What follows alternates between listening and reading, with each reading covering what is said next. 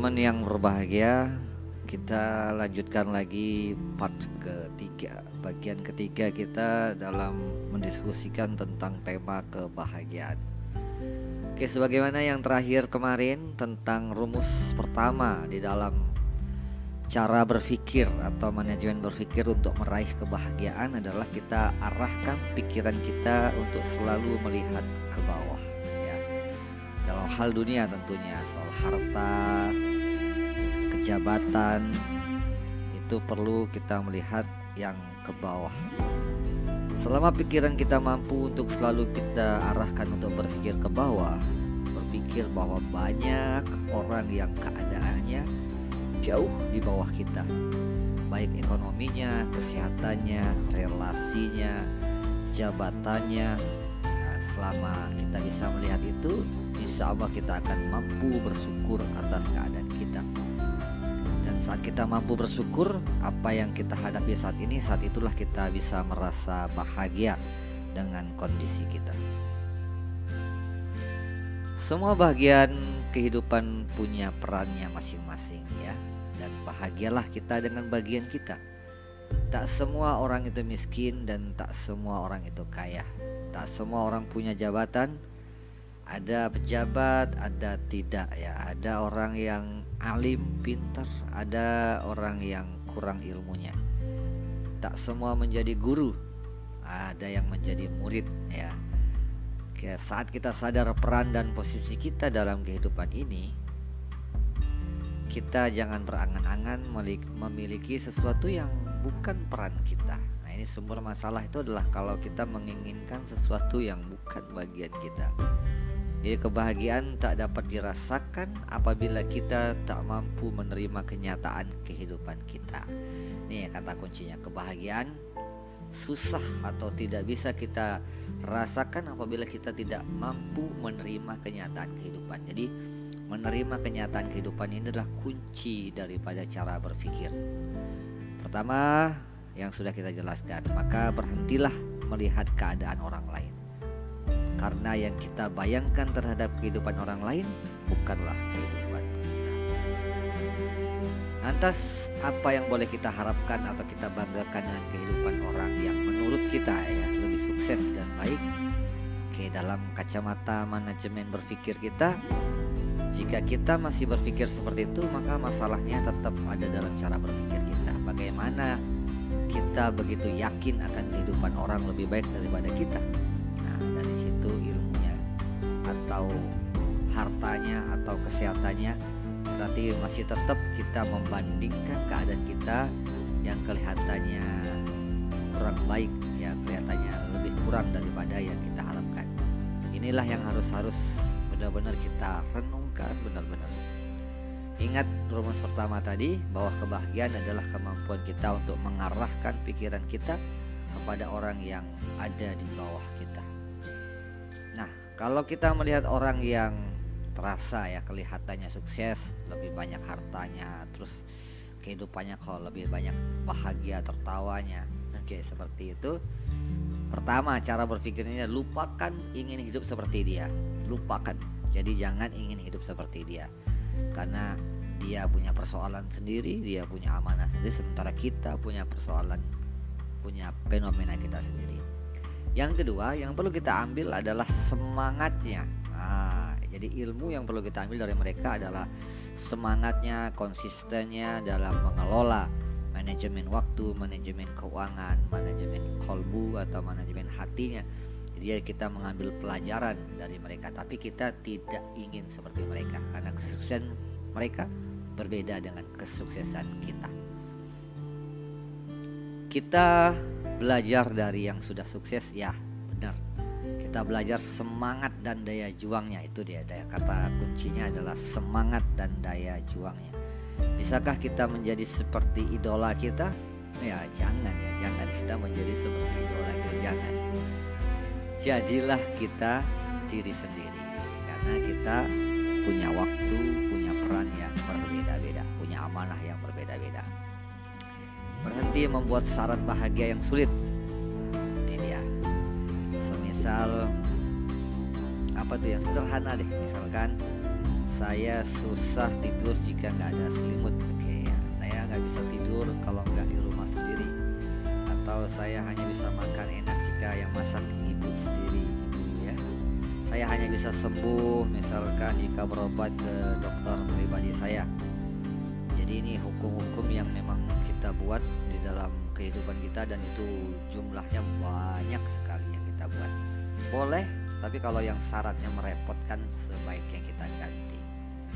Bahkan dalam skala yang lebih jauh ada yang mensyaratkan bahagia dengan kata jika. Wah ini lebih parah lagi ya jika saya jika saya nanti. Waduh ini adalah hal yang paling mengkhawatirkan.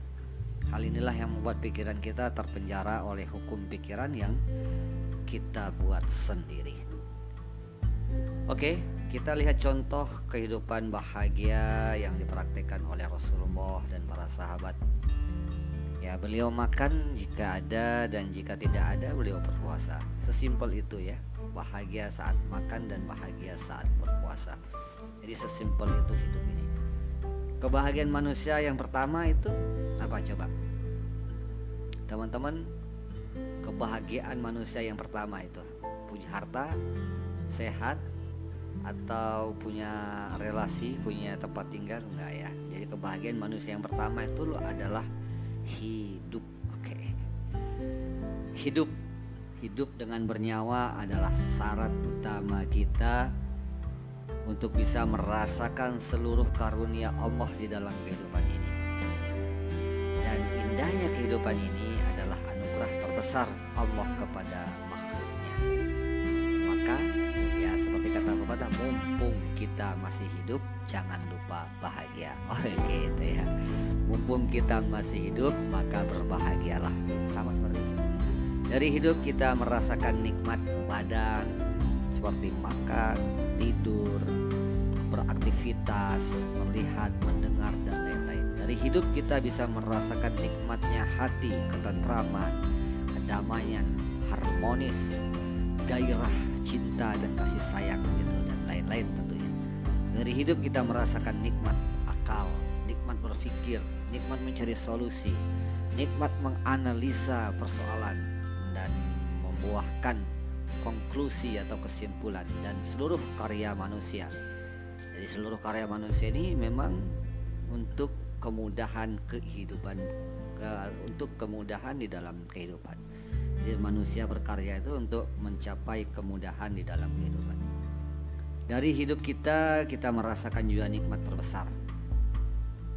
Di antara nikmat-nikmat yang sudah disebutkan tadi adalah nikmat terbesar kita adalah nikmat mengenal Allah ya, mengenal Sang Pencipta. Nah, jadi lucu ya kalau kita punya ayah, punya ibu tapi kita nggak kenal yang melahirkan kita. Ya sebahagia apa pun kita pasti ada perasaan tersiksa sama seperti kita hidup juga kalau kita nggak kenal siapa yang menciptakan kita maka hidup kita sepertinya tidak sempurna bahkan jauh daripada sempurna ya nah nikmat hidup apa nikmat terbesar tadi yang pertama adalah hidup oke orang hidupnya ada dua ada yang orang hidup itu kenal kepada sang pencipta, ada yang orang hidup tidak kenal kepada sang pencipta. Jadi nikmat yang kedua adalah nikmat iman. Iman yang ada di dalam hati yaitu menyatakan kebenaran bahwasanya saya ini adalah makhluk, saya ini diciptakan dan yang menciptakan saya adalah zat yang maha hebat. Nah, itu adalah pengakuan seperti itu. Itu adalah nikmat yang kedua dari nikmat hidup tadi ya nikmat iman namanya Kayak apa gunanya manusia hidup tapi tidak mempunyai hanya bersenang-senang di dunia yang sementara ini ya sangat sayang sekali ya Oke, nikmat kepercayaan sehingga timbul kesadaran akan anugerah kasih sayang ridho Allah kepada dirinya, pada kita. Apabila saat seorang bisa merasakan khusyuk dan mata hatinya terus tertuju kepada yang maha indah, Allah Subhanahu wa taala dan dia akan merasakan benar-benar intim kebahagiaan itu. Jadi kebahagiaan ma'rifat Allah ya. Ini adalah perkara iman. Nah, setelah nikmat hidup, nikmat iman, apalagi nikmat yang terbesar? Ya, nikmat sehat. Oke, nikmat sehat ini adalah nikmat ya, nikmat terbesar juga ya, nikmat ketiga yang terbesar. Apa gunanya hidup tak beriman tapi badan sakit-sakitan ya pikiran sakit hatinya sakit kayak nggak sehat nih hidupnya ya. Ada lagi nikmat damai nikmat lingkungan yang damai nikmat hubungan dan sebagainya ya. Jadi banyak sekali. Bahkan kita nggak mampu untuk menghitung betapa nikmat yang Allah berikan kepada kita betapa banyak nikmat yang Allah berikan kepada kita. Kalau kita melihat begini pantas nggak sih kita merasa susah atau galau kayaknya terlalu kecil ya fenomena yang kita hadapi dibandingkan dengan berlimpahnya nikmat yang Allah berikan kepada kita. Nah, itu cara berpikirnya. Saat pikiran kita mampu mengelola cakrawala berpikir seperti ini secara konsisten. Nah, ini ya. Yang penting ini secara konsisten dan terus-menerus mengarahkan seperti ini, maka kita akan mulai terus hari-hari kita dengan sesuatu yang luar biasa sehingga kita mengucapkan Subhanallah, Alhamdulillah itu benar-benar ucapan itu muncul dari lubuk hati kita. Maha besar Allah, Maha suci Allah, segala puji bagi Allah. Nah itu dia. Jadi kondisi apa pun ah, terlalu kecil ya. Jadi kita bandingkan seperti itu. Oke, terus bagaimana jika kehidupan kita ini kadang penuh dengan dosa atau sering melakukan kesalahan? Bisa nggak sih kita bahagia dengan kondisi seperti itu? Ya tentu saja bisa dong ya. Karena apa uh, selama kita menyadari hal tersebut adalah salah dan dosa dan kemudian kita berusaha dan terganggu dengan perbuatan kita berarti kita sudah sangat baik. Sebaik-baik manusia adalah manusia yang bertobat. Oke sebaik-baik manusia yang bersalah dan berdosa adalah mereka yang bertobat jadi salah dan dosa adalah fitrah manusia. Ya kita adalah manusia makhluk khotok tempatnya salah yang tidak sempurna. Maka apabila kita ingat akan dosa, akan kesalahan, jangan membuat kita malu atau enggan untuk berbuat baik. Justru kalau kita ingat dosa dan kesalahan kita, kita harus tergerak untuk menggantikan dengan perbuatan yang baik. Karena keburukan itu tergantikan dengan kebaikan. Karena saat kita disadarkan akan kesalahan dan dosa kita, kesadaran ini mampu ya membuat kita meminta ampun kepada Allah. Kemudian kesadaran itu mampu kita untuk ingat dan kembali dan mengingat anugerah yang besar yang pernah Allah berikan kepada kita. Dan kita ingat Allah itu Maha Pengampun. Maka tetaplah besarkan porsi pemikiran kita akan syukur kepada Allah. Bersyukur walau dalam keadaan dosa masih bisa diberikan kesempatan. Ingat kepada Allah dan mari masih diberikan kesempatan untuk bertobat. Karena ada orang yang berdosa tapi dia tidak menyadari kesalahannya dan tidak segera bertobat. Teman-teman yang berbahagia nikmati nikmati hidup kita ini yang sungguh luar biasa Mulailah dengan selalu bersyukur berterima kasih kepada Allah dalam setiap kesempatan dan keadaan. Oke, ini kata kunci yang seterusnya ya. Berterima kasih kepada Allah dalam setiap kesempatan dan keadaan. Ini kita mulai harus praktek ini kayaknya ya. Mulai saat pertama kali kita hidup itu adalah ketika kita bangun tidur. Oke, bangun tidur itu kita mulai latihan deh.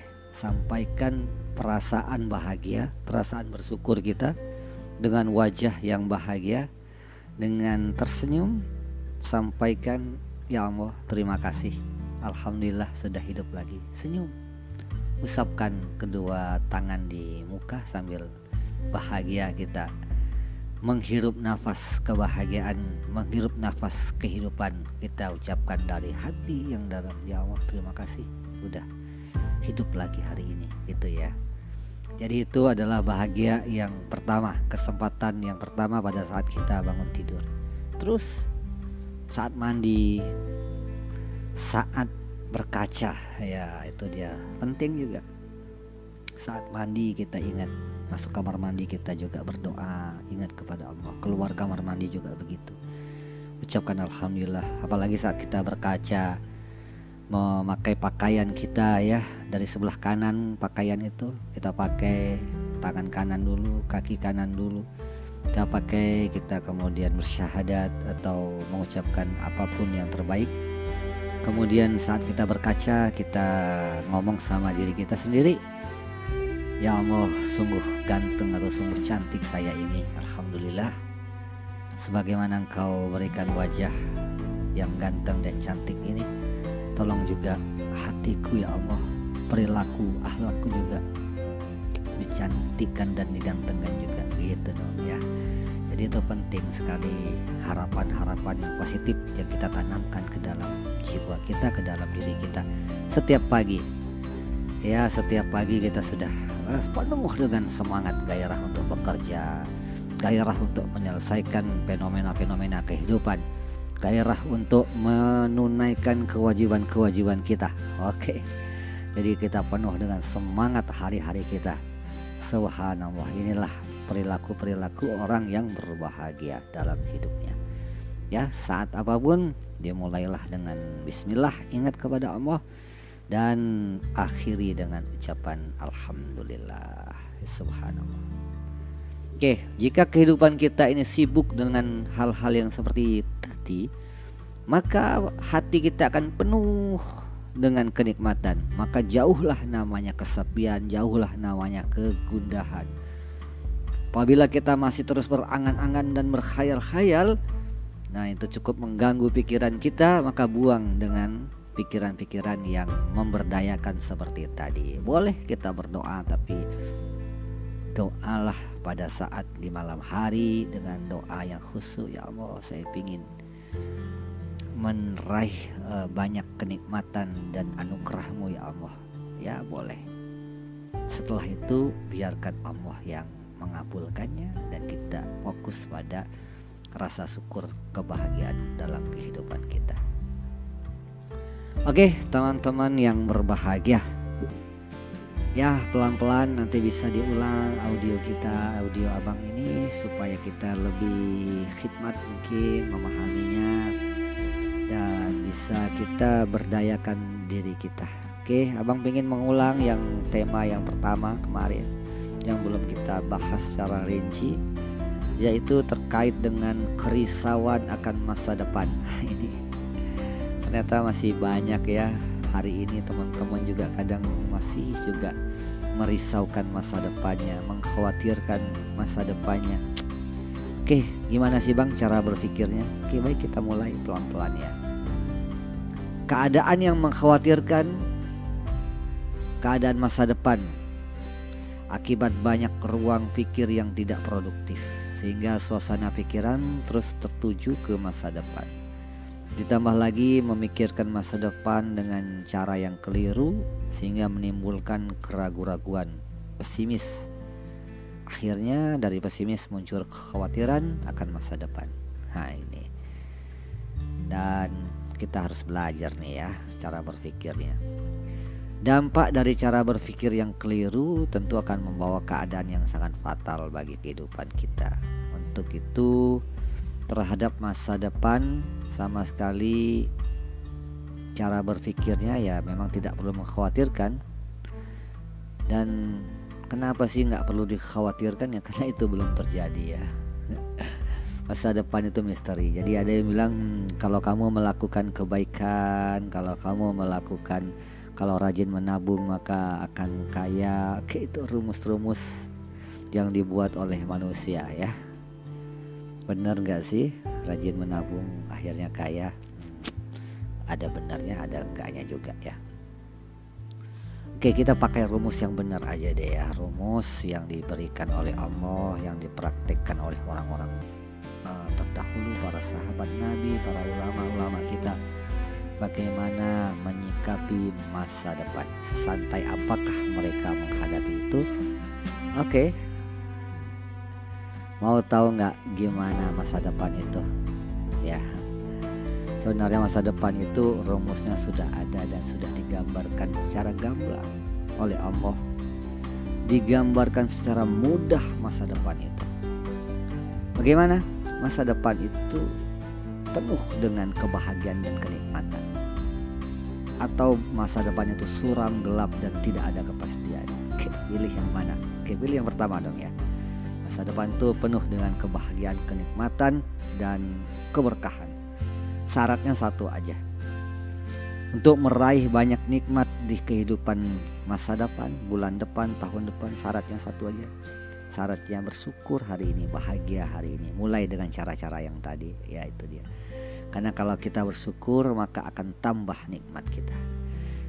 Pandai kita bersyukur tambah nikmat itu. Jadi selama kita hari ini pandai bersyukur, terus bersyukur menata hati dan pikiran kita untuk selalu bahagia, maka pasti rumusnya la dan nakum kata Allah. Kami akan tambahkan, tambahkan nikmat tersebut. Oke, benar gak? Itu dia. Sederhana dong. Rumus masa depan itu ternyata ada di hari ini. Oke, apakah hari ini Anda bahagia? Hmm, harusnya bahagia sekali ya. Oke. Bahagia itu ya setiap saat ya. Itu memang harus dilatih ya, nggak bisa bahagia itu hanya dalam pikiran saja ya. Dilatih. Oke, sekarang jawab pertanyaan Abang dengan cepat. Ya, cepat jawab aja. Kalau belum ya nanti ulang lagi ya. Ini jawaban yang membutuhkan kecepatan untuk mengkoreksi seberapa bahagia kita. Oke, sudahkah Anda tersenyum? Jawab ya kalau sudah, ah, bukan kepala aja sambil tersenyum. Oke, kapan pertama kali tersenyum? Hmm, seberapa sering? Apa yang ada dalam pikiranmu ketika bercermin? Oke. Apa ada kewajiban yang belum dikerjakan? Apakah ada janji yang belum ditunaikan? Kapan? Apakah sudah menyapa keluarga yang ada di di mana aja? Keluarga udah disapa belum? Apakah sudah bersedekah hari ini? Hmm, apakah sudah mengucapkan tasbih, zikir dan ketenangan lainnya? Oke. Ya ini pertanyaan yang harus dijawab. Ya, kalau jawabannya udah mantap semua, ya alhamdulillah. Luar biasa. Maka kalau kita kemudian akan muncul rasa terpana atau terkagum-kagum kita kepada Allah ini kemudian makna dari uh, kesadaran itu ya. Kesadaran itu akan membawa kita terkagum-kagum terpesona kita atau terpana kita dengan subhanallah dengan Allah subhanahu wa ta'ala. Ya sampai kita ke sana. Maka itulah yang dinamakan seorang mukmin. Hatinya bergetar. Oke teman-teman yang berbahagia. Ingat ya baik-baik agar pikiran kita mampu kita arahkan untuk selalu tertuju kepada Allah Semakin sering semakin dahsyat. Oke.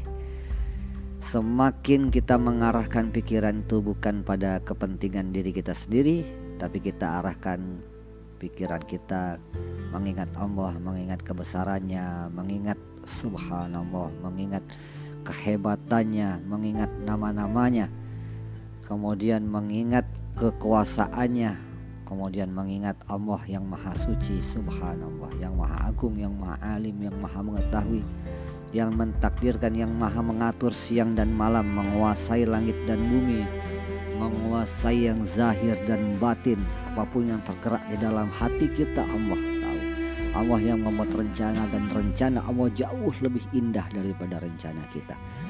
Allah yang maha pengasih dan maha penyayang. Sangat cinta kepada makhluk-makhluknya. Oke. Kalau analoginya adalah mengingat kekasih yang jauh, hati menjadi rindu. Mengingat kenangan pahit, hati menjadi sedih. Mengingat kebaikan orang lain kepada kita, hati menjadi bahagia dan mengingat Allah tentu adalah segala-galanya. Kebahagiaan, ketentraman, kerinduan, kekayaan, dan keberlimpahan. Hati yang jernih, pikiran yang terang hanya bisa didapati dengan selalu mengingat Allah. Oke, itu dia kata kuncinya. Ya, ini latihan-latihan teman-teman yang ngomong juga sedang berlatih. Karena kita memang makhluk ini ya saling mengingatkan aja saling mengingatkan mudah-mudahan semakin banyak yang uh, tercerahkan semakin banyak yang mengingat Allah ya semakin bahagia kehidupan kita. Amin ya robbal alamin. Jadi uh, seni ya sehingga nanti perilaku kita ini sudah mengandung unsur seni. Namanya seni berterima kasih ya. Jadi seni berterima kasih itu ada berbentuk ungkapan. Jadi kalau kita berterima kasih terhadap bentuk ungkapan cinta kadang kita memberikan kado hadiah memberikan sur surprise surprise. Ke hadiah apa pun kepada orang yang kita cintai. Ini adalah seni bentuk uh, ungkapan terima kasih. Ya itu adalah ungkapan-ungkapan kebahagiaan di dalam kehidupan kita. Tentu kita harus mengkreat itu membuat itu semakin nyaman agar hubungan keakraban hubungan keindahan di dalam hubungan keluarga sosial dan hubungan kepada Allah ini juga semakin baik. Oke, teman-teman yang berbahagia, berlatih, selamat menikmati kehidupan yang indah ini, dunia yang bahagia. Benahi isi kepala kita dengan hal-hal yang baik dan indah, fokus kepada yang maha indah Sampaikan hajat kita dan percayakan semuanya terkabulkan, semuanya yang terbaik yang Allah akan berikan kepada kita. Jangan pikirkan lagi setelah doa itu selesai. Begitu doa sudah terpanjatkan, dah stop untuk berpikir. Biar Allah yang akan mengabulkan sesuai dengan kehendaknya.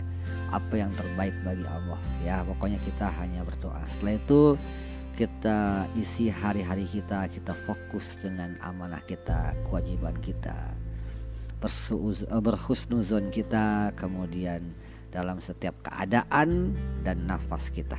Nah itu dia. Mudah-mudahan uh, diskusi ringan ini sedikit bisa membawa pencerahan lah tentunya ya. Mudah-mudahan. Amin ya robbal alamin. Oke demikian. Teman-teman yang berbahagia kita ketemu lagi pada uh, part berikutnya dalam diskusi tentang kebahagiaan. Khirul kalam, Assalamualaikum warahmatullahi wabarakatuh.